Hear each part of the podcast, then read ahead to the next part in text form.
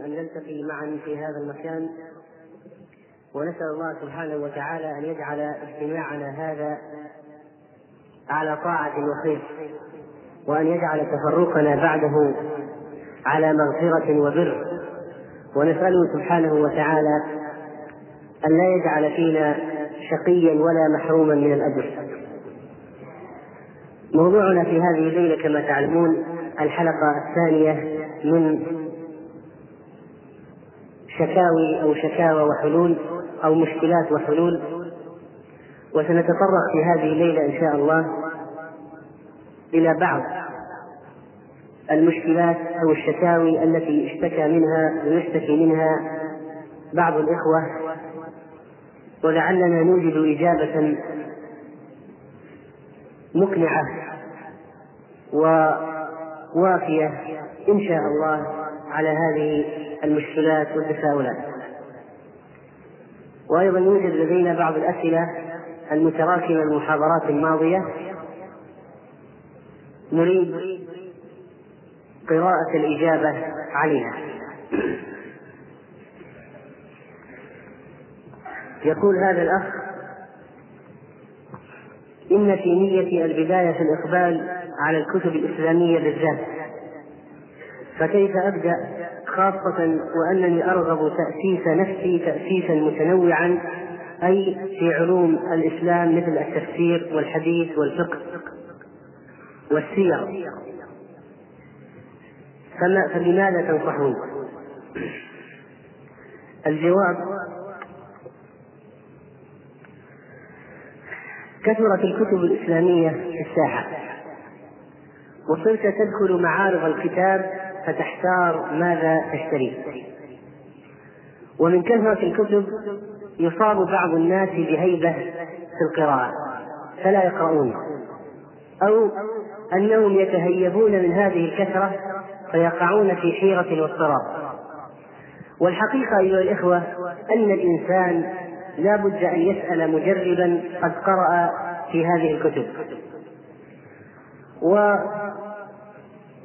وأكبر المجربين هم علماء الإسلام الذين بينوا فوائد بعض الكتب وشرحوا مزاياها.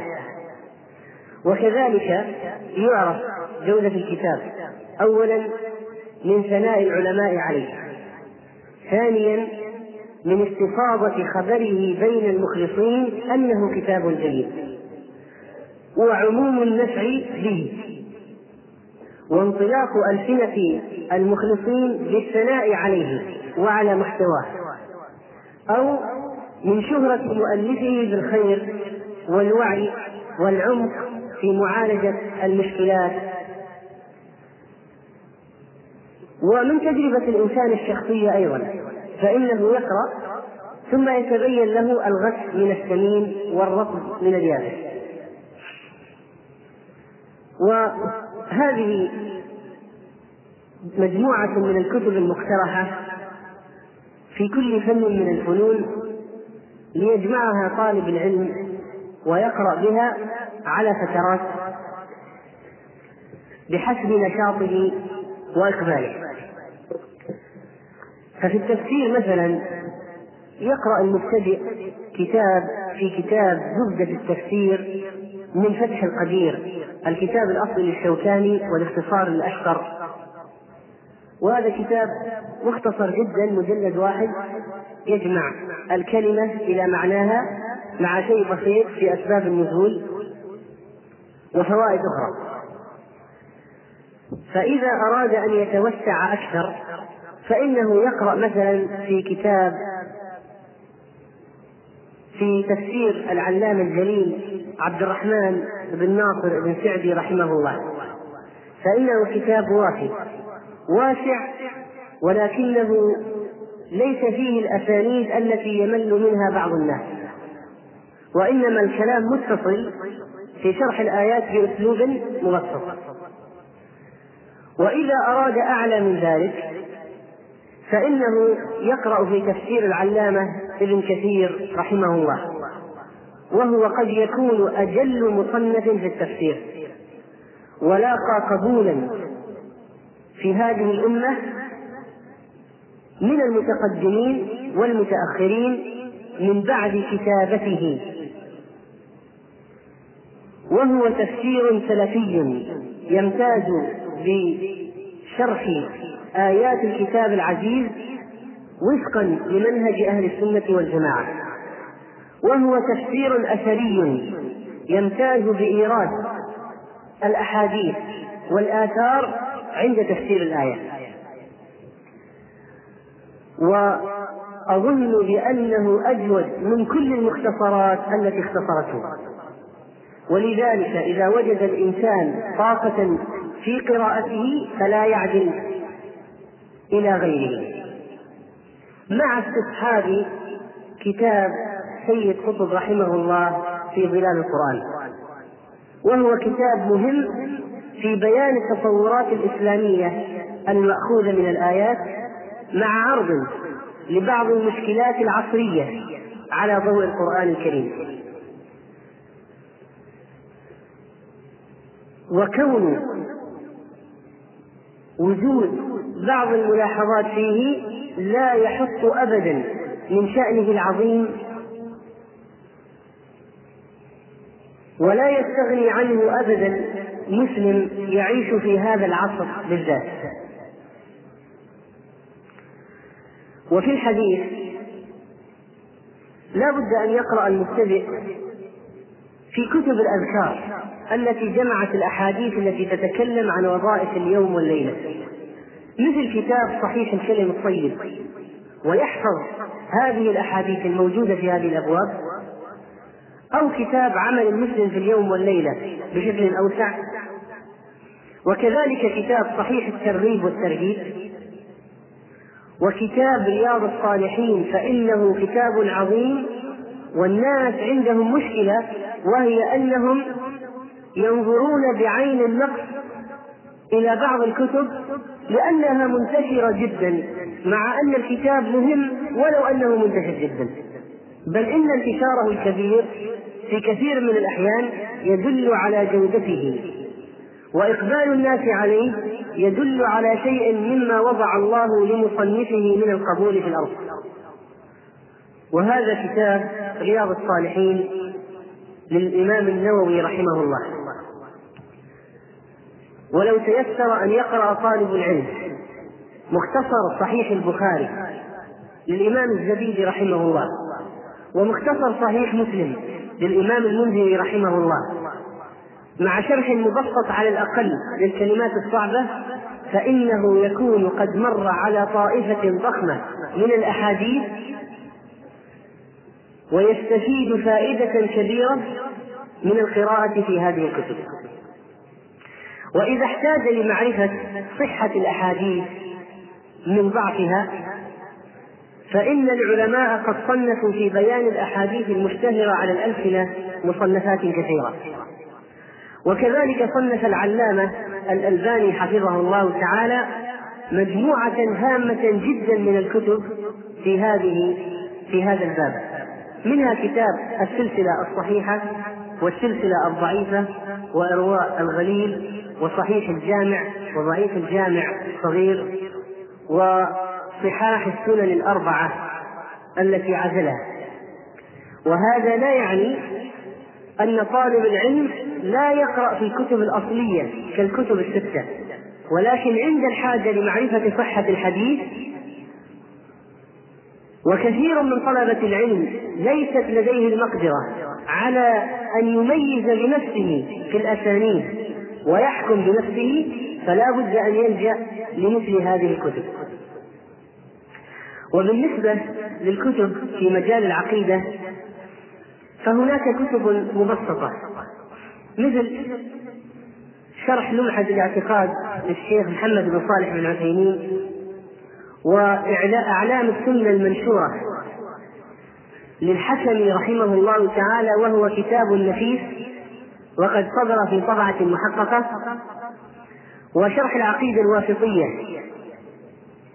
بهوامش للشيخ عبد العزيز بن باز والشيخ ابن سعدي وغيرهم وشرحها كذلك للشيخ الفوزان حفظه الله. فإن أراد وكتاب فتح المجيد وهو كتاب مهم جدا في العقيدة. فتح المجيد للعلامة عبد الرحمن بن حسن آل الشيخ وسلسلة عمر الأشقر حفظه الله في العقيدة وهي سلسلة موسعة ومبسطة في نفس الوقت وهي مهمة جدا. ويقرأ طالب العلم القواعد المثلى في الأسماء والصفات للشيخ ابن عثيمين وشرح العقيدة الصحاوية وكتاب معاد القبول الحكمي والمنهج الأسمى في شرح أسماء الله الحسنى. هذه بعض الكتب المتعلقة بالعقيدة. وفي الفقه فإن كتابا مثل الروضة النبية للعلامة صديق حسن خان وسبل السلام للعلامة الصنعاني ونيل الأوطار للعلامة الشوكاني وزاد المعاد لابن القيم رحمه الله والجمع بين منار السبيل لابن ضويان وإرواء الغليل في تخريج أحاديث منار السبيل هو أيضا خطوة جيدة وموفقة إن شاء الله في دراسة الفقه بالإضافة لكتاب فقه السنة مع تمام المنة في التعليق عليه وإذا أراد التوسع فيلجأ لمثل كتاب المغني لابن قدامة رحمه الله والمجموع شرح المهذب. ولابن قدامة رحمه الله سلسلة مهمة مثل كتاب العدة والكافي ثم المغني. وفي مجال الأخلاق وتزكية النفس فإن قراءة فإن القراءة في مثل كتاب تهذيب موعظة المؤمنين والجواب الكافي لابن القيم رحمه الله والفوائد له أيضا وتهذيب مدارج السالكين من الأمور النافعة. وفي أصول التفسير رسالة مبسطة للشيخ محمد بن صالح بن عثيمين ورسالة في أصول التفسير لشيخ الإسلام ابن تيمية رحمه الله. وفي علوم القرآن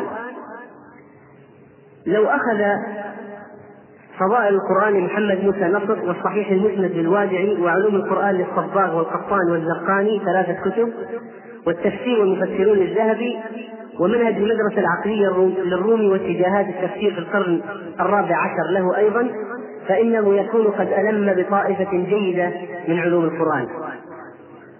وهناك كتب موسعة مثل كتاب البرهان للزركشي رحمه الله. وفي علوم الحديث والمصطلح.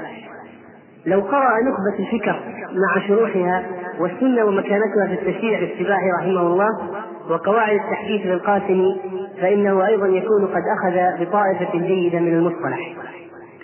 وفي أصول الفقه لو قرأ في كتاب الأصول من علم الأصول للشيخ ابن عثيمين والواضح في أصول الفقه والبدعة للهلال من الكتب المبسطة ولو أراد التوسع بعد ذلك فيقرأ في مثل كتاب الاعتصام للشاطبي رحمه الله وروضة الناظر لابن قدامة رحمه الله.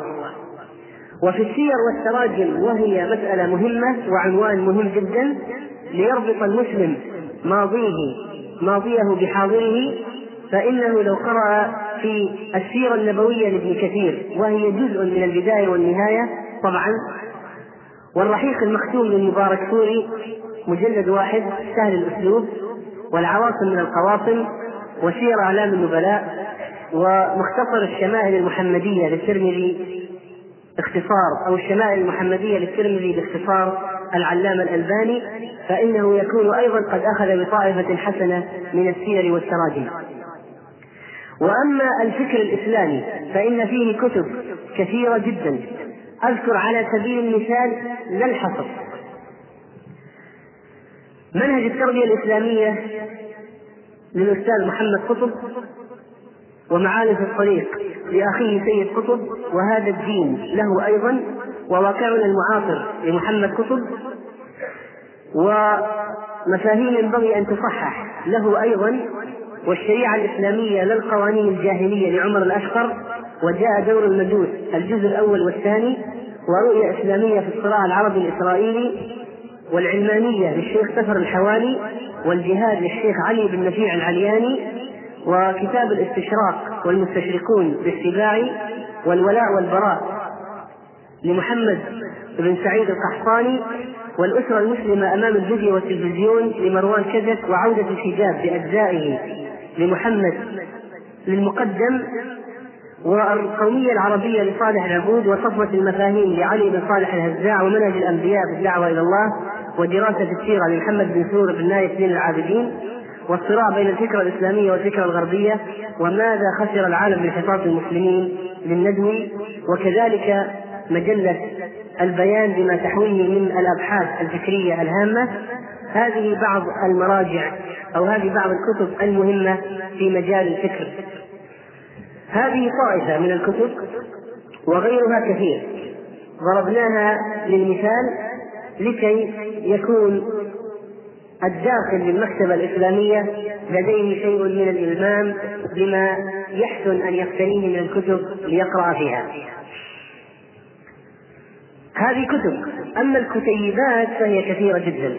ولكن اقترحنا بعض الأسماء لنواة مكتبة إسلامية مصغرة ينبغي أن تكون في البيت تحتوي على مراجع في العلوم الإسلامية المختلفة. وبنهاية هذه الفقرة نأتي إلى بعض الأسئلة. وأقول قبل أن أنقل إجاباتها أنه ينبغي أيها الإخوة أن يحرص طالب العلم قدر الإمكان على العثور على إجابات العلماء السابقين. في الأسئلة المختلفة. وينبغي أن يطلب الأعلم ليأخذ عنه الجواب. ولكن في بعض الأحيان يتعثر على الشخص أن يجد الإجابة من عالم من العلماء المتقدمين لأسباب. منها عدم وجود فتاويهم مفهرسة كما توجد في بعض فتاوي المتأخرين. وكذلك وإنما هي داخلة في الكتب الكبيرة بحيث أنه يصعب أن يبحث الإنسان عنها ولكن لا بد أن يحاول. وثانيا قد تكون يكون السؤال عصريا بمعنى أن القضية حدثت الآن في هذا العصر.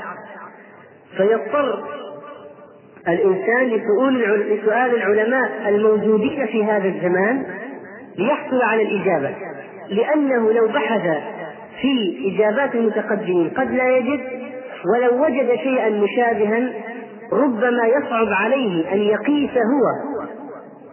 هذه الحادثة الجديدة على تلك السابقة لقصوره في العلم وفي كل وقت عامل آخر يدفع الإنسان في كثير من الأحيان للسؤال المباشر عن طريق الهاتف مثلا إذا لم يجد الوقت المتسع للبحث في الكتب الأمهات والمراجع المتقدمة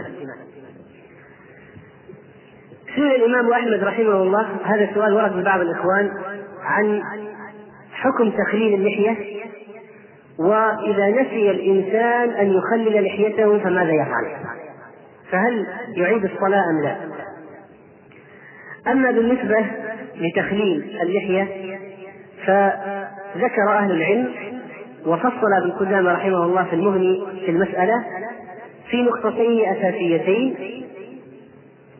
بعد أن نعلم الدليل أنه صلى الله عليه وسلم كان يأخذ من كفا من ماء فيدلك به فيجعله تحت الحنك فيدلك به لحيته ويخلل لحيته بالماء. يأخذ كفا من ماء فيجعله في أسفل الحنك ويدخله في شعر اللحية. وذكر أهل العلم أن الإنسان إذا كان ذا لحية كثيفة فإن التخليل في حقه يكون مستحبا. وإذا كان ذا لحية خفيفة بحيث يرى جلده من وراء الشعر فإنه يجب عليه أن يوصل الماء إلى هذا الجلد وجوابا على السؤال الذي طرح سئل قال قال صالح رحمه الله سألت أبي أو سئل أبي يعني الإمام أحمد عن رجل نسي أن يخلل لحيته ثم صلى هل يعيد الصلاة؟ رجل نسي أن يخلل لحيته ثم صلى هل يعيد الصلاة؟ فقال لا يعيد فصلاته إذا صحيحة كما أفتى الإمام أحمد رحمه الله وسئل رحمه الله عن رجل الإمام أحمد قد بلي بنفس لحيته وليس يصبر عنها هذا سؤال وجهه بعض الإخوان قال أحيانا أنسى وأنتف من اللحية وأنا أفكر أو أكون فاهم ببصري فما هو الحكم؟ فقال الإمام أحمد رحمه الله إن صبر عن ذلك فهو أحب إليه. يعني هو ينبغي عليه أن لا يقرب لحيته لقوله صلى الله عليه وسلم أعفوا اللحى وفروا اللحى أرخوا اللحى أرجوا اللحى خالفوا المشركين خالفوا المجوس. ولكن قد يغفل الإنسان أحيانا ويسهى أو يسهو فينتف من لحيته شعيرات. فينبغي أن يتنبه لنفسه وأن يقلع عن هذا العمل وورد أيضا سؤال من بعض الإخوان يقول دخلت في صلاة الجنازة في التكبيرة الثالثة فماذا أفعل؟ دخلت في التكبيرة الثالثة فماذا أفعل؟ قال صالح رحمه الله سألت وسألته يعني سألت أبي عن الرجل يفوته التكبير على الجنازة أيقضيه؟ قال نعم.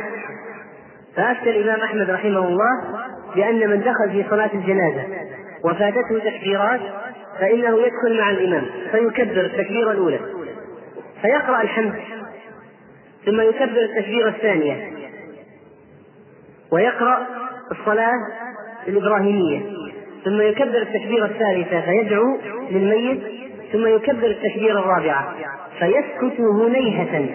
كما بين الإمام أحمد رحمه الله ثم يسلم. فإذا المتأخر عن صلاة الجنازة يقضي التكبيرات. وهذا سؤال أيضا ذكره بعض الإخوان قال نكون في بعض المساجد في صلاة الجمعة. فلا نسمع صوت الإمام في الصلاة القراءة في صلاة الجمعة. إما لانقطاع المكبر الصوت أو بعد الصوت أو تداخل الأصوات أحيانا أو عدم وضوح الصوت خارج المسجد لشيء في المكبرات فنحن لا نسمع قراءة الإمام في صلاة الجمعة فماذا نفعل؟ وقد وجدت أنه أن الإمام أحمد رحمه الله سئل عن الرجل يكون خلف الإمام يوم الجمعة ولا يستمع قراءة الإمام فماذا يفعل؟ فقال إن شاء قرأ إذا شاء هو المصلي يقرأ هو ما دام أنه لا يسمع قراءة الإمام فهو يقرأ. مثل أحيانا يكون الإنسان في صلاة التراويح في الحرم. فتتداخل الأصوات أو أو يكون الصوت ضعيف جدا فلا يسمع ماذا يقرأ الإمام. فلو أنه سكت ربما كان عرضة للوساوس أو انشغال الذهن وانصرافه عن الصلاة. فلو قرأ في نفسه فلا حرج. ولو أنه خلف الإمام. ما دام لا يسمع قراءة الإمام. وهذا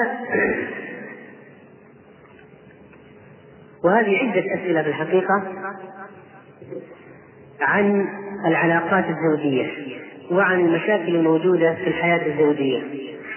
وأكثر هذه الأسئلة من النساء. وهي عبارة عن شكاوي كثيرة جدا تحتاج إلى درس أو أكثر لإيضاح علاجها.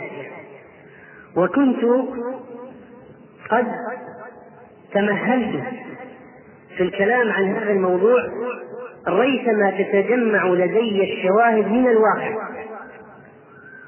طبعا مع البحث في في هديه صلى الله عليه وسلم في معاشرة أزواجه. حتى أتطرق لهذا الموضوع. فاجتمع لدي قدر كاهن لدرس أو أكثر في موضوع المعاشرة الزوجية أو الحياة الزوجية والمشكلات في الحياة الزوجية.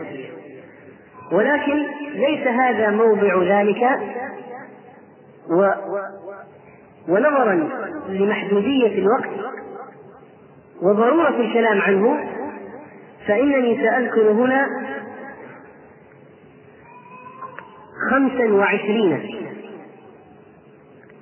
سببا أو نصيحة للزوج ليحافظ على علاقة جيدة بزوجته. ثم نتكلم عن الموضوع بالتفصيل مع الأدلة في درس قادم إن شاء الله. والتركيز في هذه النصائح على الزوج لأن لأنك إذا أخذت المشاكل أو المشكلات فإنك ستجد أن أكثرها من الزوج وهذا لا يعني أن الزوج ليس منها مشاكل بل كثير من الزوجات لديهن مشاكل ومتسببات في مشكلات كثيرة. ولكن أخصص هذا الكلام للرجال بهذه النصائح. أولا احرص على توفير حاجيات البيت باستمرار. ولا مانع في الاعتراض على بعض الكماليات تعليما للزهد وتصدقا بقيمتها ثانيا اجعل لزوجتك وأولادك نصيبا من وقتك في الملاعبة والملاطفة والقصص الهادفة والنزهه البريئة. ثالثا راعي شعور زوجتك وظروفها الصحية وخصوصا عند معاشرتها في الفراش. رابعا إياك وإذلال الزوجة وطلب الأشياء التافهة منها لمجرد إظهار سلطتك عليها وإرغامها على التنفيذ. طبعا كل نقطة من هذه هي عبارة عن مشكلات واقعية قد أتت إلي يوما من الأيام. خامسا إذا ظلمت زوجتك وأسأت معاملتها لا تستغل الأحاديث في منعها من البوح لأحد ولكن أطلب المسامحة. بعض الناس يضرب زوجته ويهينها ثم يقول ترى الأحاديث تنهى عن إن المرأة تفشي أخبارها اللي بين زوجها للناس ترى ما في داعي تقويل لأهلك يمكن تاثمين وهو المفروض أنه يطلب المسامحة. سادسا تجنب إهانة زوجتك بحضرة أهلها. أو أمام الآخرين عموما. سابعا لا تشعر زوجتك مطلقا بعدم الثقة بها. من خلال إخفاء جهاز الهاتف أو الإقفال عليه أو فصل الحرارة أو إزالة النقود من المنزل بالكلية مثلا. إلا طبعا إذا قام دافع شرعي لهذا العمل. ثامنا إياك وأكل حقوق الزوجة المالية كإرغامها على بيع ذهبها أو مماطلتك في إرجاع ما اقترضته ما اقترضته منها. ولا تجبرها على شراء أغراض البيت من مالها الخاص ثامنا احذر العقوبات السيئة كالضرب المستمر أو تمزيق أغراضها الشخصية. كالدفاتر والكتب أو الثياب ونحوها. تاسعا. إياك والاستجابة لضغط الأهل مثل الوالدين في بعض الأسر بحملها على معصية كمصافحة أخيك أو الجلوس في جلسة مختلطة وإرغامها على كشف الوجه. عاشرا. لا تتكلم بما يحدث بينك وبين زوجتك من الأمور الخاصة. أمام إخوانك.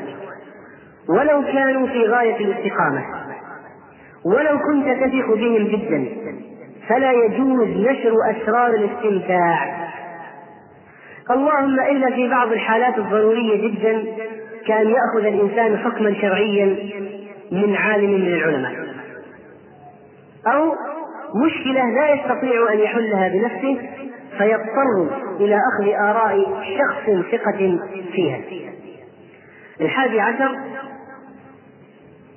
لا يجوز الاستمتاع بالزوجة أمام الأولاد المميزين في الفراش. وكذلك احذر ممارسة بعض الأوضاع الشاذة المأخوذة من بعض الأفلام السيئة.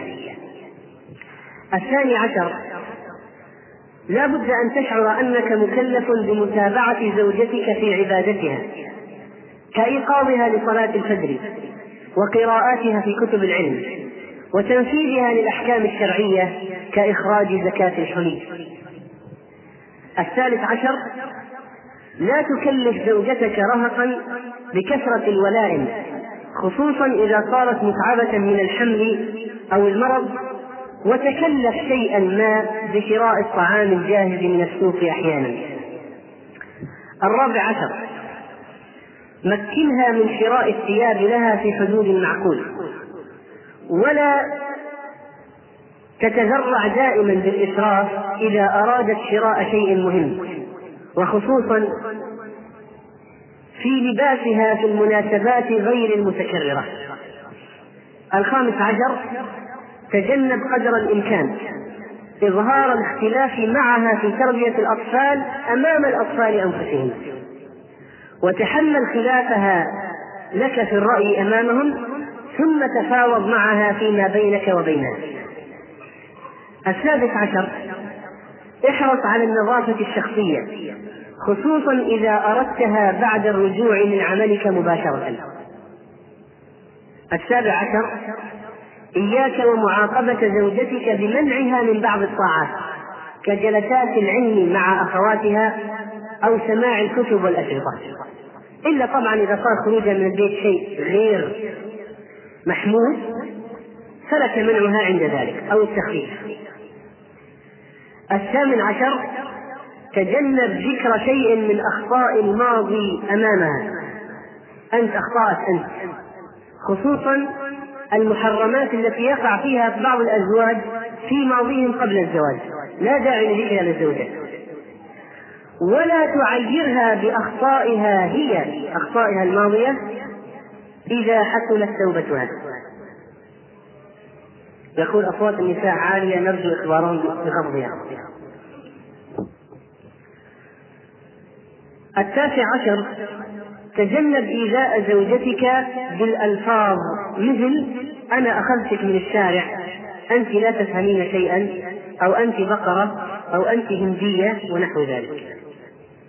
هذا بعض الناس يقولونها يقولها لزوجته العشرون انتبه لإشباع رغبتها وإعفافها في المعاشرة وتذكر قوله صلى الله عليه وسلم أحب لأخيك ما تحب لنفسك. الحادي والعشرون. إياك وعدم العدل بين الأولاد خصوصا زيادة أولاد إحدى الزوجتين على أولاد الزوجة الأخرى.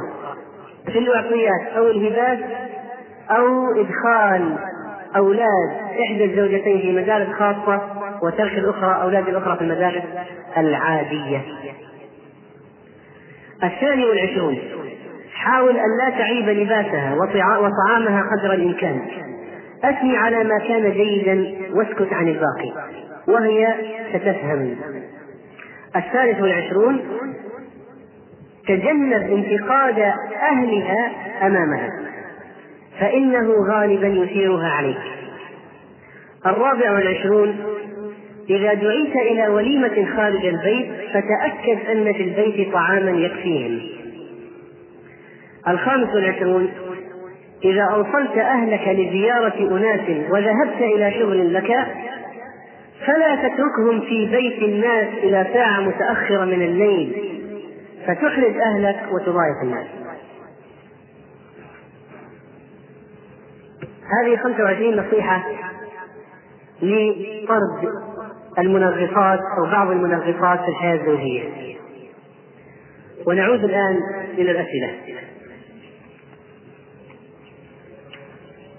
هذا السؤال يقول امرأة انقطعت عنها العادة لمدة سنة وثلاثة أشهر ثم جاءها في شهر دم متصل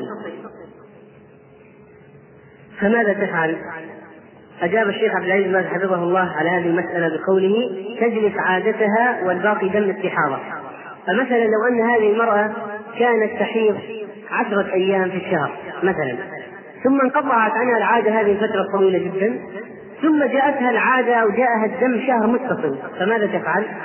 ماذا تفعل؟ ها؟ تجلس عشر أيام لا تصلي ثم تغتسل والباقي استحاضة ما هي أكثر مدة للحيض؟ في بعض أقوال أهل العلم خمسة عشر يوما لحديث تمكث إحداكن نصف دهرها لا تصلي هذه امرأة تسأل وتقول عندها أيتام قصر ولها راتب من تقاعد عندها أيتام ولها راتب تقاعد لزوجها. يأتيها هي ويأتي للأولاد من راتب التقاعد.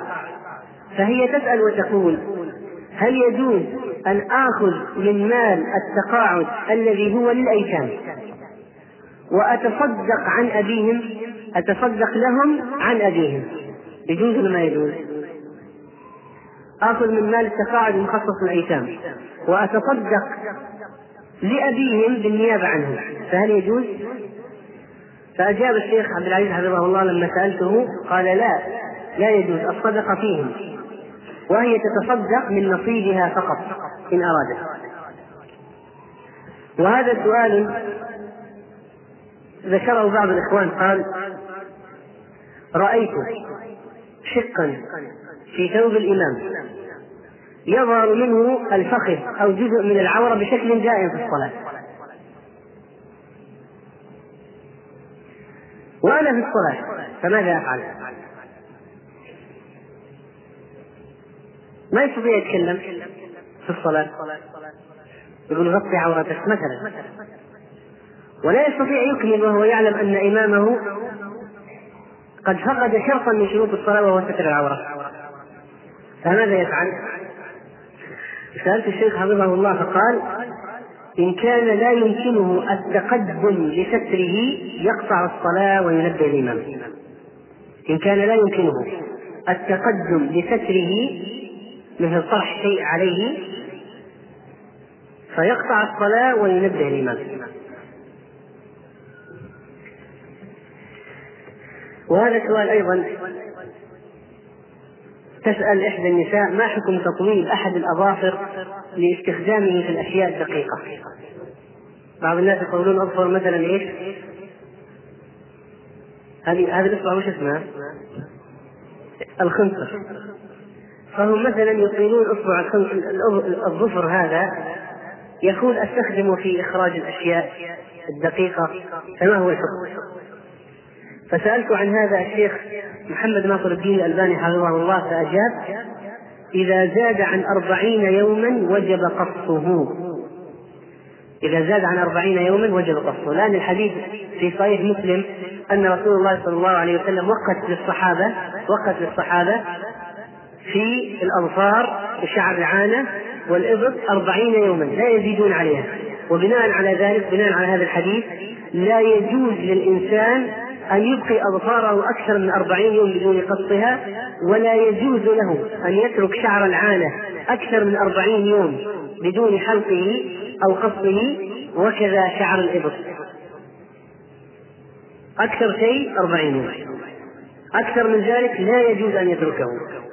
والمستحب له أن يأخذه كلما دعت الحاجة إلى أخذه لأن الناس يتفاوتون.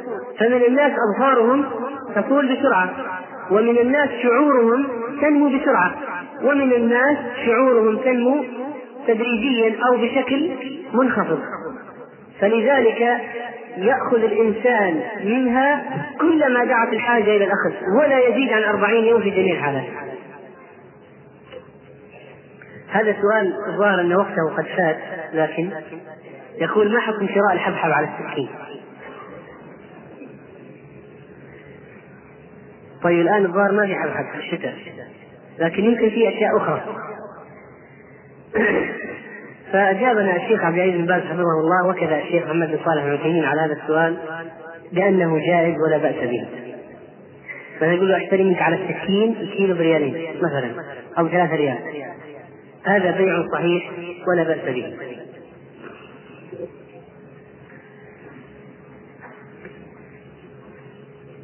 هذا سؤال يقول أو هذه مشكلة أو شكوى يقول هناك عدد كبير من المستقيمين والمستقيمات الملتزمين بشرع الله والملتزمات. ولكننا إذا دققنا في أحوالهم لوجدنا أن هؤلاء الإخوة والأخوات يعيشون الإسلام عيشة سطحية فهم يلتزمون في الظاهر. مثلا باللحية وتقصير الثوب والمرأة بالحجاب ولا يستمعون الأغاني ولا يشاهدون المسلسلات ولا يكذبون ولا يسرقون ولا يقعون في الفواحش. هذا هو هذه صورة الالتزام. ونجد أيضا في نفس الوقت أن هؤلاء النوعيات ليس لهم أثر في الواقع كبير بسبب أنهم لا يحملون التصورات والمفاهيم الإسلامية. يعني أن هذا الشخص فقط اللحية والثوب أو الحجاب ما يختلف المنكرات ويفعل الواجبات صلاة في المسجد في أوقاتها لكن ليس وراء ذلك شيء آخر. فيقول السؤال ما هي التصورات التي من المهم أن يكتسبها كل شخص مستقيم على شرع الله؟ بالإضافة إلى التزامه في المظهر طبعا وعدم مقارفة المنكرات أو المعاصي والمحرمات مع فعل الواجبات ما هي التصورات المهمة أن المسلم يتشربها؟ فنقول إليكم سبعة وأربعين تصورا من التصورات المهم أن يكسبها الشخص المسلم سواء بالقراءة أو بسماع الأشرطة أو بأن يتربى مع إخوانه عليها وهذا أهم شيء. أن يحدث التربية الجماعية على التصورات والمفاهيم الإسلامية أولا مفهوم خيرية هذه الأمة ليش هذه الأمة خير أمة أخرجت للناس؟ لكي يعتز بالانتساب لها. الثاني مفهوم الأمر بالمعروف والنهي عن المنكر، حكمه وسائله ضوابطه. الثالث أضرار المعاصي. الرابع مداخل الشيطان وخصوصا على الصالحين والحيل النفسية. الخامس صور الانحراف في الحياة العامة أو ما يمكن أن نعبر عنه. صور الانحراف في الحياة العامة أو ما يمكن أن نعبر عنه. بنقد الواقع على ضوء الإسلام وهذا عمل مهم جدا. نقد الواقع على ضوء الإسلام. لا يعرف الإسلام من لا يعرف الجاهلية. وحذيفة كان يسأل عن الشر حتى لا يقع فيه. سادسا أننا مكلفون بجميع نصوص الشريعة. سابعا مفهوم التعاون على البر والتقوى صوره وأشكاله. ثامنا مفهوم المسؤولية كيف ننشئها وما هي أهميتها. تاسعا مفهوم البذل والتضحية والعطاء. عاشرا مفهوم الأخوة الإسلامية. معناها حقوقها آدابها الانحراف والغلو الذي قد يحدث فيها. الحادي عشر مفهوم العزلة الشعورية. عن أهل المنكر ونحن نعيش بينهم. وهذا مهم حتى يحافظ الإنسان على التزامه وهو يدعو إلى الله وسط أهل المنكرات. الثاني عشر الآثار التربوية لتوحيد الأسماء والصفات. الثالث عشر فوائد دراسة التاريخ الإسلامي. الرابع عشر مفهوم الوقت وأهميته وكيف نستغله. الخامس عشر مفهوم الإيجابية وخطورة السلبية. السادس عشر مفهوم سد الثغرة. السابع عشر جنسية المسلم عقيدته. جنسية المسلم عقيدته. الثامن عشر المنافقون خطورتهم وأساليبهم. التاسع عشر تميز المسلم عن الكفار وأهل الفسق. العشرون المستقبل لهذا الدين.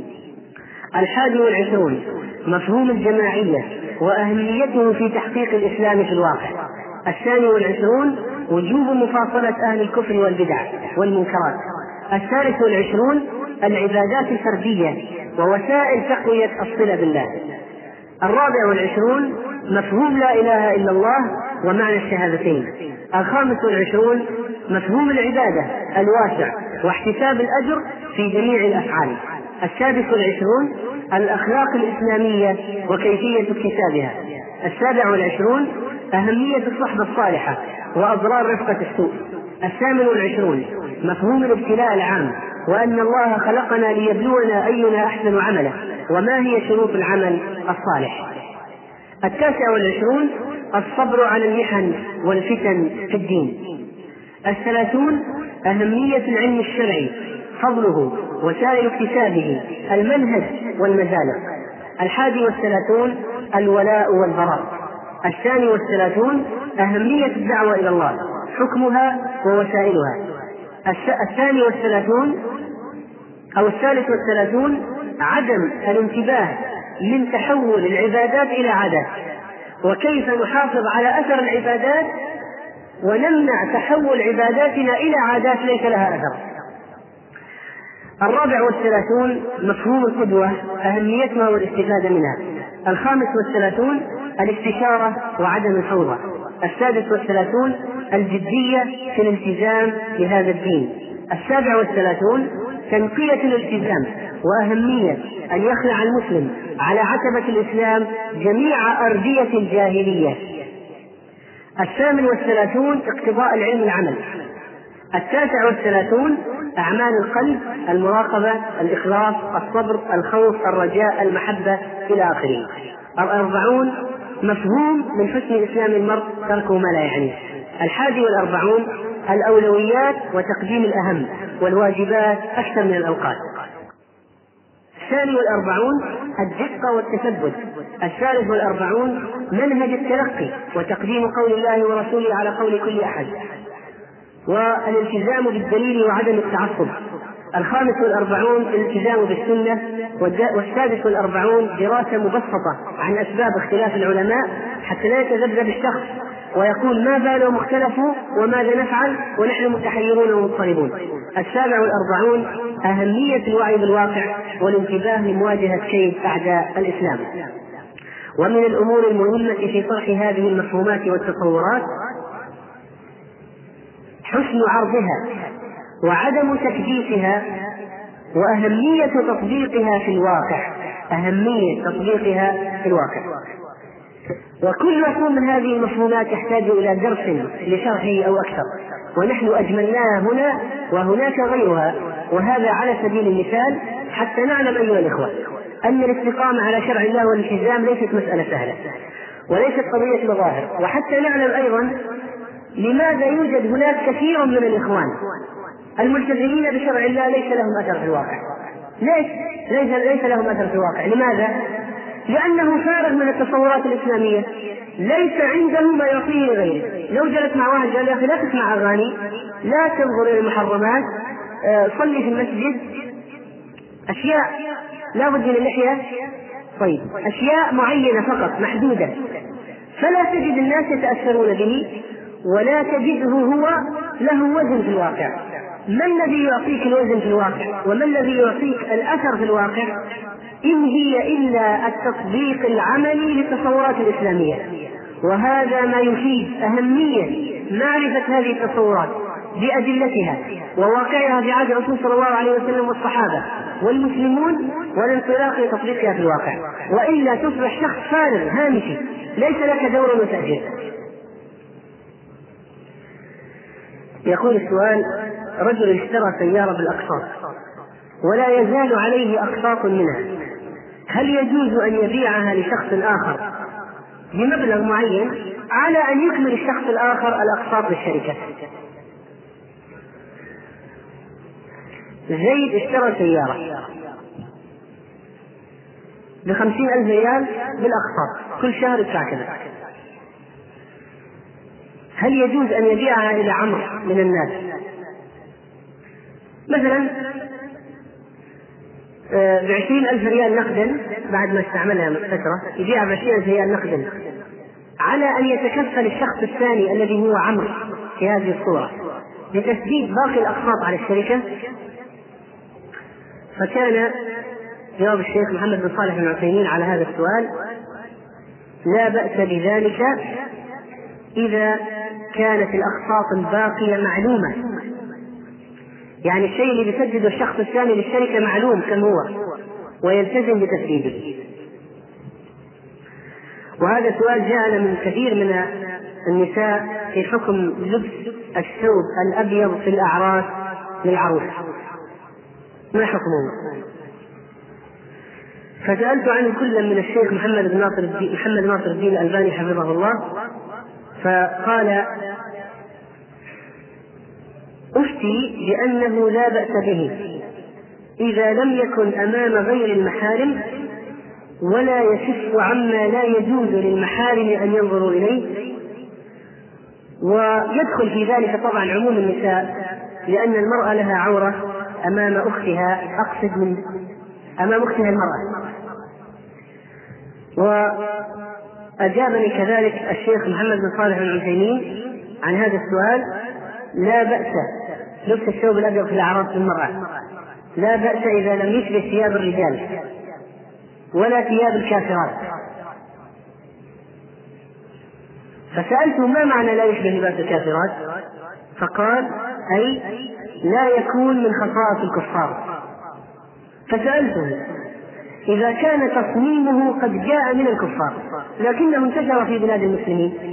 ولم ولم يصبح خاصا بالكفار فقال يزول حكم التشبه ويجوز لبسه.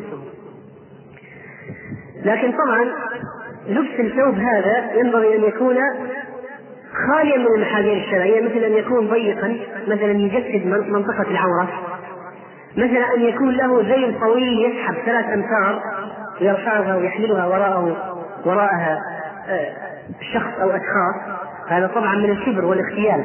المرأة رخص لها شبر أو شبرين تسحب على الأرض حتى لو جاءت الريش لا تنكشف لا تنكشف قدمها أو قدماها من أسفل الثوب وإنما هذه السحبة الطويلة الموجودة في بعض تصميمات أثواب الأعراس فهي غير جائزة لأن فيها الاختيال والكبر. أو هي الإسبال عند المرأة. الرجل يسبل إذا نزل عن الكعبين والمرأة تسبل إذا زادت عن الشبر والشبرين وصارت تسحب بشكل طويل على الأرض فهذا إسبال في حقها لا يجوز. وكذلك سألنا بعض الإخوان عن حكم بيع الأشرطة بالمسجد في المسجد بسعر التكلفة دون ربح. والثمن المتحصل يشترى به أشرطة جديدة تباع وهكذا. فكان جواب الشيخ محمد بن صالح العثيمين على هذا السؤال لا يجوز ذلك. لا يجوز البيع في المسجد ولو كان بهذه الصفة. يمكن أن يوضع خارج المسجد ويباع لكن داخل المسجد لا. ولو كان مشروع خيري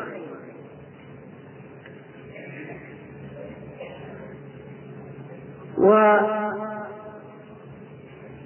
أجابنا كذلك الشيخ محمد ناصر الدين الألباني عن نفس السؤال بنفس الجواب. إلا أنه قال إذا كان يوجد مكتبة في المسجد وكان بابها من خارج المسجد ليس من داخل المسجد فإنه ربما يجوز البيع فيها. لكن إذا كانت المكتبة داخل المسجد وبابها في المسجد فإن حكم حكم المسجد ولا يجوز البيع فيها. وهذا سؤال جاء من مندوب مشتريات أو مشتريات يقول هذا إنسان موظف في شركة. يذهب يشتري لهم قطع من السوق. فيذهب للشركة يقول أعطوني مثلا محول. يذهب للدكان يقول أعطيني محول. كم سعر المحول؟ مثلا مئة ريال.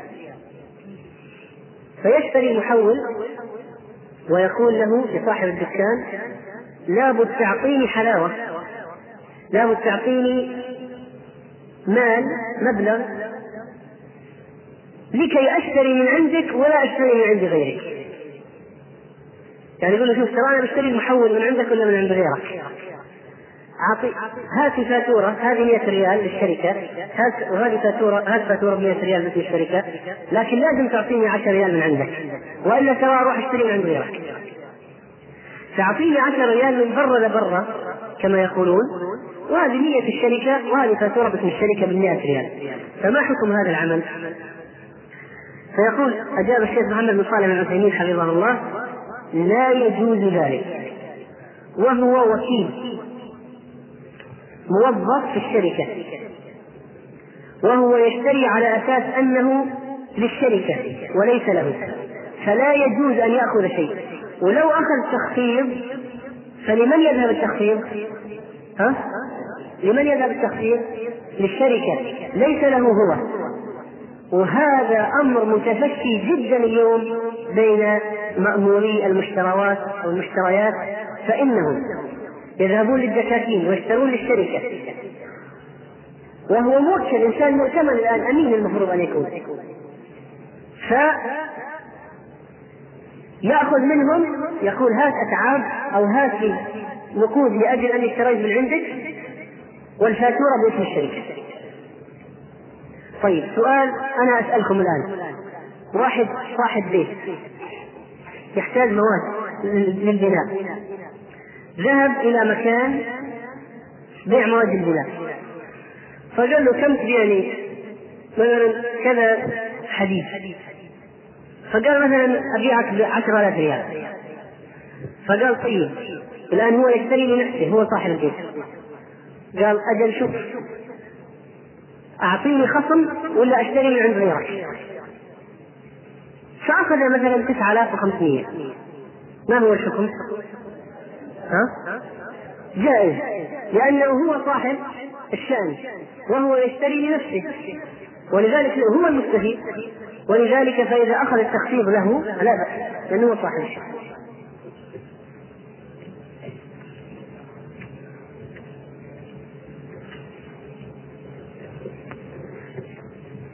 طيب.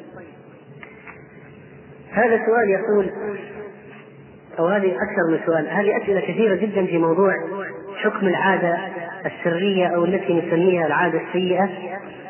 يقول أنا شاب العشرين من عمري وقد هداني الله إلى الطريق المستقيم فالحمد لله على ذلك وقد كنت من قبل أفعل هذه العادة السيئة. ثم من الله علي وتركتها وفي هذه الإجازة الصيفية عدت إليها. وكلما تبت وجزمت بعدم العودة لم أقدر وعدت إليها ثانية. مع العلم أني عملت بحديث الرسول صلى الله عليه وسلم بالصيام وحاولت الزواج ولم أستطع لظروفي وهذا السؤال يقول أيضا أمنيتي في هذه الحياة أن أتوب من عمل هذه العادة التي أصبحت مدمنا عليها حتى أنني أتوب كثيرا وأعود إليها مع أنني أعبد الله وأذكره وإن كنت مقصرا. والآن أريد الحل والطريق إلى التوبة النصوح التي ليس بعدها رجعة بأمثل السبل وأيسرها وهذا السؤال يقول كنت في جاهلية أعمل فواحش.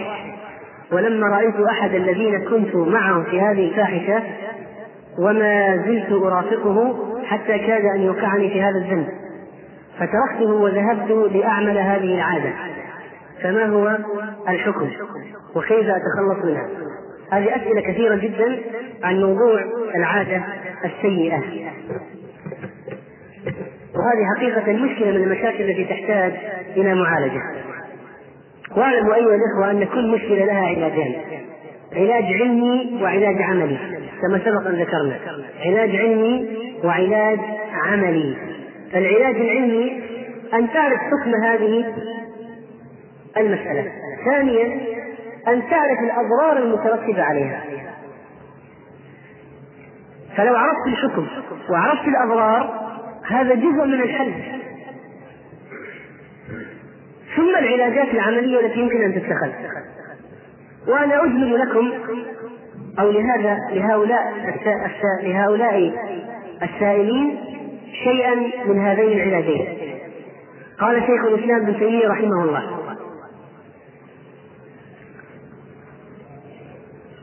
في كلام له عن حكم الاستمناء.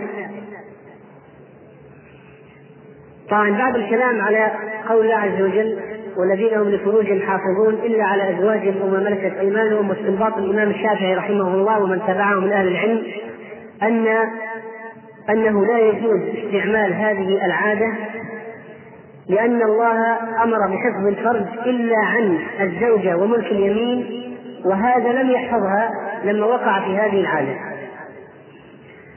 وقال فقال شيخ الإسلام رحمه الله وكذلك من أباح الاستمناء عند الضرورة فالصبر عن الاستمناء أفضل.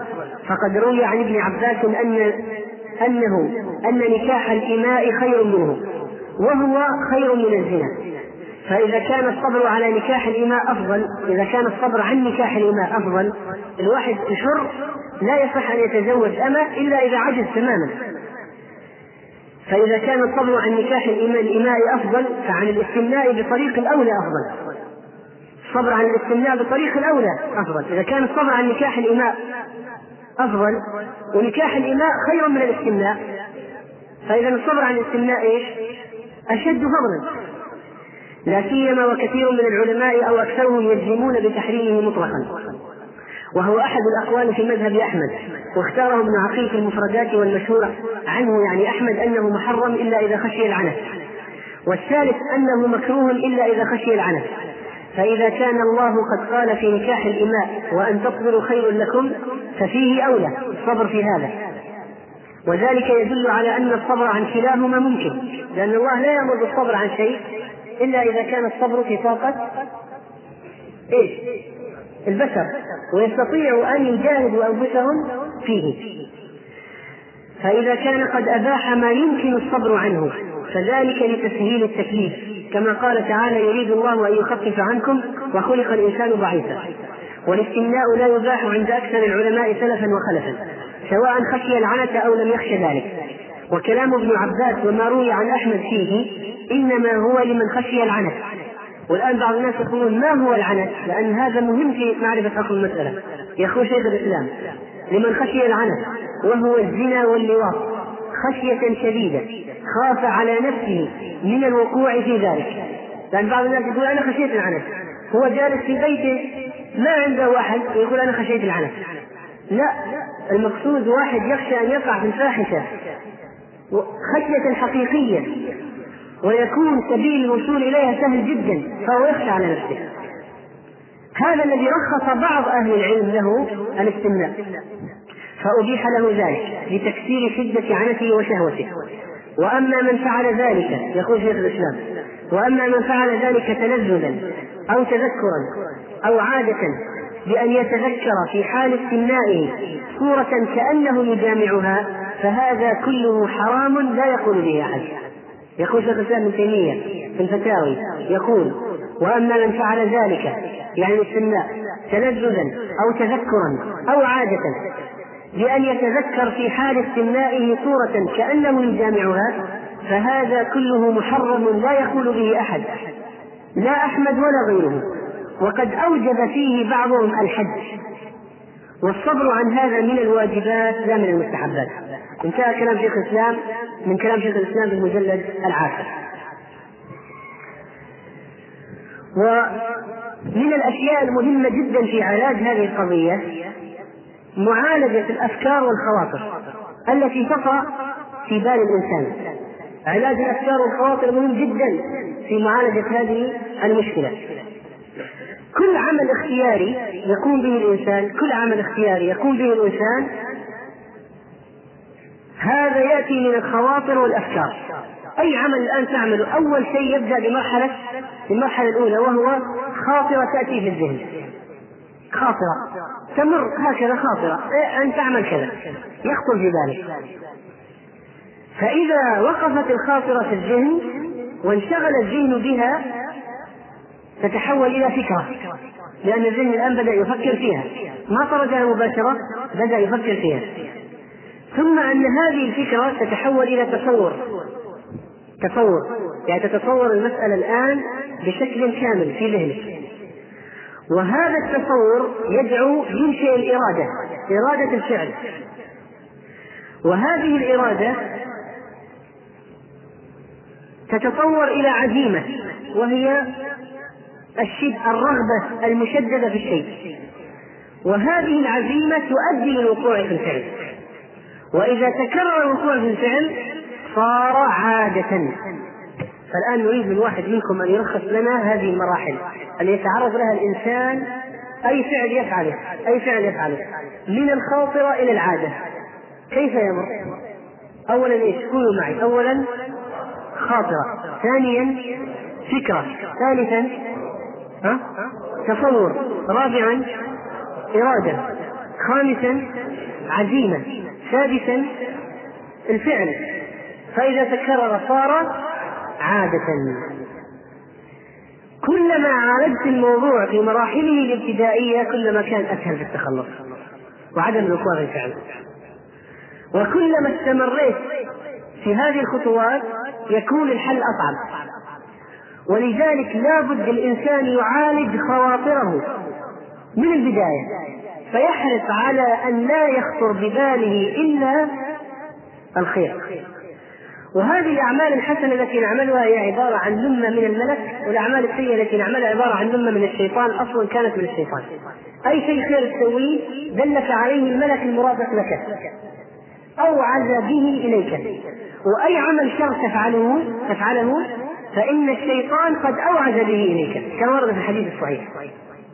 فالآن يقول شيخ الإسلام يقول ابن القيم رحمه الله فإذا جعل العبد فكره في ربه أنه مطلع عليه ناظر إليه عليم بخواطره وإراداته وهمه فحينئذ يستحيي منه ويجله أن يطلع منه على عورة يكره أن يطلع عليها أن يطلع عليها مخلوق مثله. الآن يقول شوف القيم كلام مهم جدا يقول هذه الأفكار الرديئة في ذهنك. افرض أن شخص الآن يستطيع أن يقرأ أفكارك كيف تشعر أمامه؟ ها؟ هذه الأفكار السيئة في ذهنك انتبه معي هذه الأفكار السيئة في ذهنك افرض أن شخص بشر مثلك يستطيع أن يقرأ ما يدور بأفكارك من هذه الخواطر السيئة ماذا تشعر أمامه؟ نعم؟ بالخجل الشديد صح ولا لا؟ فإذا علمت أن الله مطلع على أفكارك وخواطرك فكيف ينبغي أن يكون شعورك؟ هذا هو البداية الحياء من الله عز وجل. هذه البداية. وبقدر هذه المنزلة يبعد العبد عن الأوساخ والدناءات والخواطر الرديئة والأفكار الدنيئة. والخواطر والوساوس تؤدي إلى التفكير فيأخذ الفكر في التذكر فيأخذه التذكر إلى الإرادة فتأخذه الإرادة إلى الجوارح والعمل وقد خلق الله النفس شبيهة بالرحى الدائرة التي لا تسكن ما هو الرحى؟ ها؟ الطاحون الذي يطحنون فيه الحب النفس البشرية شبيهة بهذا الطاحون يقول ابن القيم في تشبيه جميل وهذه النفس شبيهة بالرحى الدائرة التي لا تسكن ولا بد لها من شيء تطحنه. فإن وضع فيها حبا طحنته. وإن وضع فيها حصى طحنته. فمن الناس من تطحن رحاه حبا يخرج دقيقا ينفع به نفسه وغيره وأكثرهم يطحن رملا وحصا وتبنا ونحوه فإذا جاء وقت العدن والخبز تبين له حقيقة عجينه الله أكبر.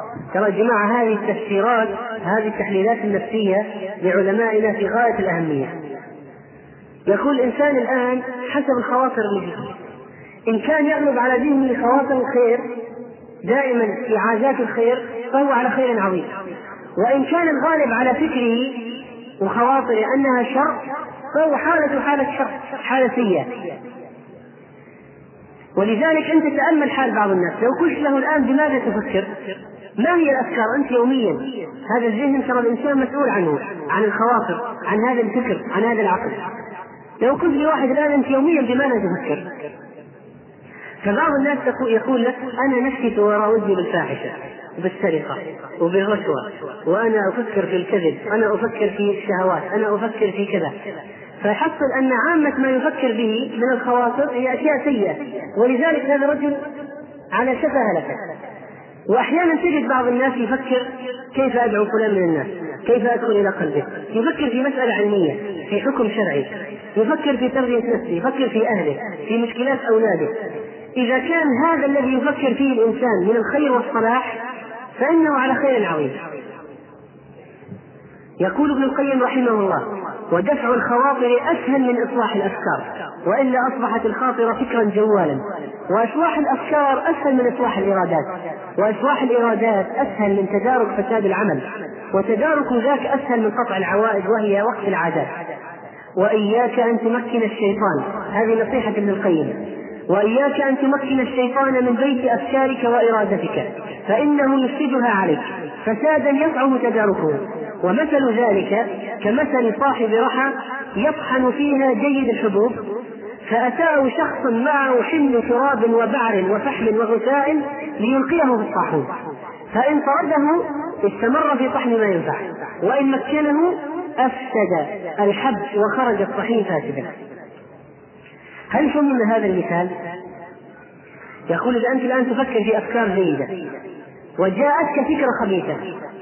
إذا خليت الشيطان يلقيها في ذهنك وتفكر فيها صرت مثل صاحب اللي يطحن الحد فجاء واحد أثناء الطحن جاء واحد بغشاء وبعض وفحم وطين وألقاه في الطاحون فيفسد عليه الحبس فاجتهد في دفع الخواطر. نعود الآن إلى المسألة. يقول الإنسان كيف أتخلص من هذه العادة السيئة؟ واضح من كلمة عادة أنها وصلت لإيش؟ المرحلة الأخيرة. آه. هو السؤال ليس كيف أدفع خاطرة عمل هذه العادة. لا. السؤال كيف أتخلص من العادة السيئة؟ معناها أنها صارت صارت عادة. صارت الآن في أسوأ مرحلة. فالآن تدارك الموضوع صعب. لكن لو قلت لك من البداية أبدأ. أول ما تجيك الخاطرة بعمل العادة تعوذ بالله من الشيطان وفكر بالأشياء النافعة. فإن غلبت نفسك الأمارة بالسوء وتحولت إلى فكرة فاجتهد في قراءة شيء تدفع به تلك الفكرة. مثلا أو سماع شيء وإذا صارت عزيمة أو إرادة فاخرج من المكان وامشي منه. لتعمل عملا مفيدا كالتبكير للصلاة في المسجد أو زيارة أخ في الله أو حضور درس مفيد لتقطع على نفسك الوقوع. فإذا باشرت العمل وبدأت فيه فمراقبة الله تجعلك تقف ولا تستمر وتنزع منك وتنفك عن هذا العمل وتقوم لعمل آخر. فإذا وقعت فيه فتب إلى الله عز وجل. هذا ترى أهم علاج للعادة السيئة تطور العلاج من مرحلة الخواطر إلى مرحلة العادة. هناك أشياء إيجابية يمكن فعلها وهناك أشياء سلبية لا بد من الامتناع عنها لإكمال علاج هذه العادة. فمن الأشياء الإيجابية أولا الزواج. يجب أن تسعى إليه بكل وسيلة. ولو ما ولو عجزت ماديا فقد أجاز أهل العلم لمن يخشى على نفسه الحرام ولا يجد مالا للزواج أن يأخذ من مال إيش؟ من مال إيش؟ الزكاة ليتزوج واحد يخشى على نفسه الحرام ويجد عنة شديدا ما عنده مال ليتزوج هل يجوز أن يأخذ من الزكاة؟ الجواب نعم يجوز أن يأخذ والله تكفل بإعانة الناكح الذي يريد العفاف بأن يسهل له قضاء دين ثانيا الصيام. ولو واظب عليه الإنسان فلا بد أن ينكسر من شهوته شيء. لا بد. لأن الرسول صلى الله عليه وسلم أخبر بذلك. ثالثا إشغال النفس بالعبادات. هذه الآن كلها من علاجات هذه العادة. إشغال النفس بالعبادات. فبدلا من أن تنفرد هكذا قم فصلي. إذهب إلى محاضرة أو درس أو حلقة علم. ولذلك شاب من السبعة الذين يظلهم الله في ظله. واحد شاب إيش؟ نشأ في طاعة الله. ليش غير شاب نشأ في طاعة الله؟ لأنه الشاب هذا الآن مقر الغريزة. تكبر عنده جدا. كونه هذا جاهد نفسه. وانشغل بالطاعات والعبادات. يستحق أن يظله الله في ظله يوم لا ظل إلا ظله. خامسا الانخراط في وسط الأخوة الإسلامية وتجنب العزلة وهذا الوسط يحميك من الوقوع في أشياء كثيرة. ولذلك يخطئ جدا من يعتزل إخوانه في الله ويقول أبقى لوحدي. وإنما يأكل الزيت من الغنم القافية إذا ما كان في إخوة يذكروك يشغلوك بالطاعات تتواصل معهم بالحق والصبر ينصحوك إذا ضعف إيمانك كيف تعيش؟ سادسا أو سابعا الانهماك في الدعوة. الانهماك في الدعوة والعمل لله بحيث لا يصل الإنسان إلى فراشه إلا متعبا منهكا يجر أقدامه مما من التعب في طاعة الله وكذلك يمكن أن يمارس هذا الشاب أشياء من الرياضات النافعة. في مثل الرحلات المفيدة وغيرها. وهذا ما يؤكد أو يبين فائدة الرحلات للشاب المسلم. هذا قسم. القسم الآخر الامتناع عن السلبيات للتخلص من هذه العادة. مثل تجنب الوحدة في النوم. فإن رسول الله صلى الله عليه وسلم نهى أن يبيت الرجل لوحده. وفيها حكم لا تخفى. ومنها الاستفادة من في علاج هذه المسألة. وكذلك معرفة أن تمثل صورة معينة في النفس حكمه حرام. فلو أنه تصور لو واحد جاء وقال لك أنا أتصور شخصية معينة أو امرأة معينة أتخيل أني أفعل بها الفاحشة مثلا. ما هو الحكم؟ نقول لا يجوز لأن تعيين شخصية معينة هو عمل يأثم عليه صاحبه. وكذلك غض البصر. بتج... هذا غض البصر مهم جدا لأن الذين ينظرون إلى الصحف والمجلات وغلافات المجلات والمسلسلات والأفلام ويمشي في السوق وينظر للنساء. هذا رجل سهل جدا إذا خلا بنفسه يكون عنده مخزون هائل من الصور التي رآها في المجلات والمسلسلات والشوارع والأسواق. يكون عنده مخزون كبير من الصور التي يستطيع أن يستحضرها لتساعده في العمل المحرم فغض البصر مهم جدا في هذه في هذا العلاج وكذلك يشتكي بعض الناس الذين كان لهم ماض سيء يقول إن الصور التي كنت أنظر إليها في الماضي لا زالت تراودني بين فترة وأخرى وتعاودني لكي تكون سببا في وقوعي في هذه العادة المحرمة. وهذه رسالة كنت قد كتبتها لشخص وجه لي سؤالا في هذا الموضوع أقتطف لكم منها هذه العبارات.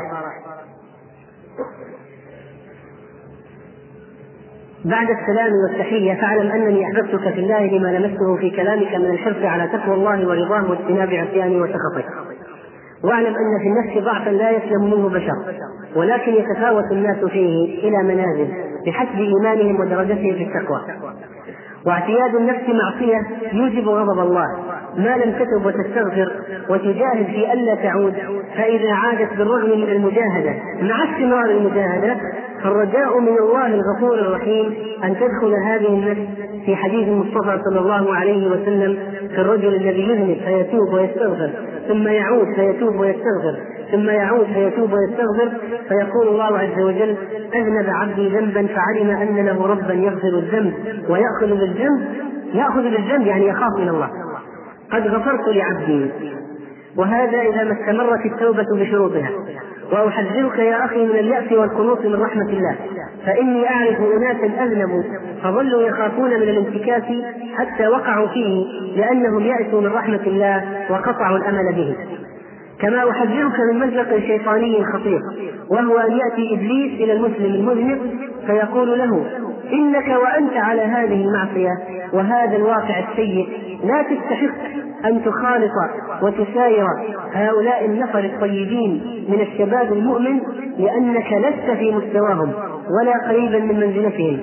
فلا يزال الشيطان بهذا الشاب حتى يبعده عن إخوانه. فيكون هذا هو بداية المنعطف الخطير الحقيقي. وأذكرك يا أخي بما قاله بعض أهل العلم. من أن المسلم الذي يجاهد نفسه على شهواتها ويغالبها أفضل من الذي لا توجد في نفسه هذه الشهوات أصلا. وهذا أحد أوجه تفضيل صالحي البشر على الملائكة. و بعد الوصية بالزواج وإن لم يتمكن بالصيام وما سبق أن ذكرناه من هذه العلاجات بالرغم من كل العلاجات المقترحة فإن ذلك لا يعني أن المشكلة لن تقع نهائيا. فإن حصل مع ذلك شيء فنعود إلى التذكير الأول بوجوب الاستغفار والتوبة بشروطها. ولو تكرر ذلك الذنب مرات في اليوم الواحد. وفي النهاية فلو فشلت فتمسك بأمرين. الأول تجديد التوبة بعد كل ذنب ولو تبت عشرة آلاف مرة. والثاني الاستزادة من الأعمال الصالحة لتعويض النقص الحاصل بسبب هذه الذنوب. وختاما أرجو من الله أن يعينني وإياك على أنفسنا وأن يوفقنا لاجتناب الإثم والفواحش. والسلام. هذه خلاصة كلام حول علاج العادة السيئة. وأظن أن الوقت قد شارف على الانتهاء ولذلك نختم بهذه الثلاثة أو الأربعة أسئلة. يقول السؤال هل يجوز لزوجة الأب أن تحلق عانة الولد البالغ المعتوه؟ يعني فاقد مديون فسألت هذا فسألت فضيلة الشيخ عبد العزيز بن حفظه الله عن هذا فقال ما أعلم فيه شيء. الأصل يعني حتى الرجل يحرم عليه. لكن ما دامت الحاجة موجودة لأجل الحاجة يجوز لأجل الحاجة. طبعا بشرط عدم وجود فتنة أكيد. لأجل الحاجة هي أو حلاق آخر. وإذا كانت تعرفه فهي أولى به. وهذا السؤال يقول جماعة لهم صندوق يضعون فيه أقساط ويشترون بعد فترة بالمال الموجود في الصندوق سيارة. من الصندوق؟ ويبيعونها على واحد منهم بربح ثم يقتسمون الربح بما فيه من مشتري فكان جواب الشيخ عبد العزيز بن باز حفظه الله إذا كانوا يقتسمونه بنسبة حصصهم فلا أعلم مانعا ولو كان المشتري منهم. وهذا السؤال يقول رجل فحص عند الطبيب هو وامرأته وقال الطبيب أن الولد الرابع له ما يأتي مشوها فهل يدع الرجل الزواج من تلك المرأة لهذا السبب؟ فأجاب الشيخ عبد العزيز بن حفظه الله لا لا يترك الزواج لا يمنع الزواج هذا. ولو قال الطبيب ذلك فليس الطبيب عالم الغيب. وهذا السؤال يقول هل تجوز التعزية إذا كان الميت كافرا؟ فأجاب الشيخ حفظه الله نعم يعزي أهله يعزي أهل هذا الميت الكافر لكن لا يدعو له ولا يستغفر له. يعني ممكن يقول واحد لهم مثلا اصبروا أو مثلا يقول هذا نهاية كل حي أو أن لله ما أخذ ولله ما أعطى. لكن لا يقول اللهم اغفر له وارحمه وعافه واعف عنه لأنه لا يجوز الدعاء للكافر. وختاما سئل حفظه الله حكم قول صدق الله العظيم بعد التلاوة فقال ليس لها أصل وهي أقرب للبدعة. لم يرد أن الرسول صلى الله عليه وسلم كان يختم بصدق الله العظيم ولا الصحابة فهي أقرب للبدعة. ونسأل الله سبحانه وتعالى أن يعيننا وإياكم على طاعته ويفقهنا في دينه. والسلام عليكم ورحمة الله وبركاته.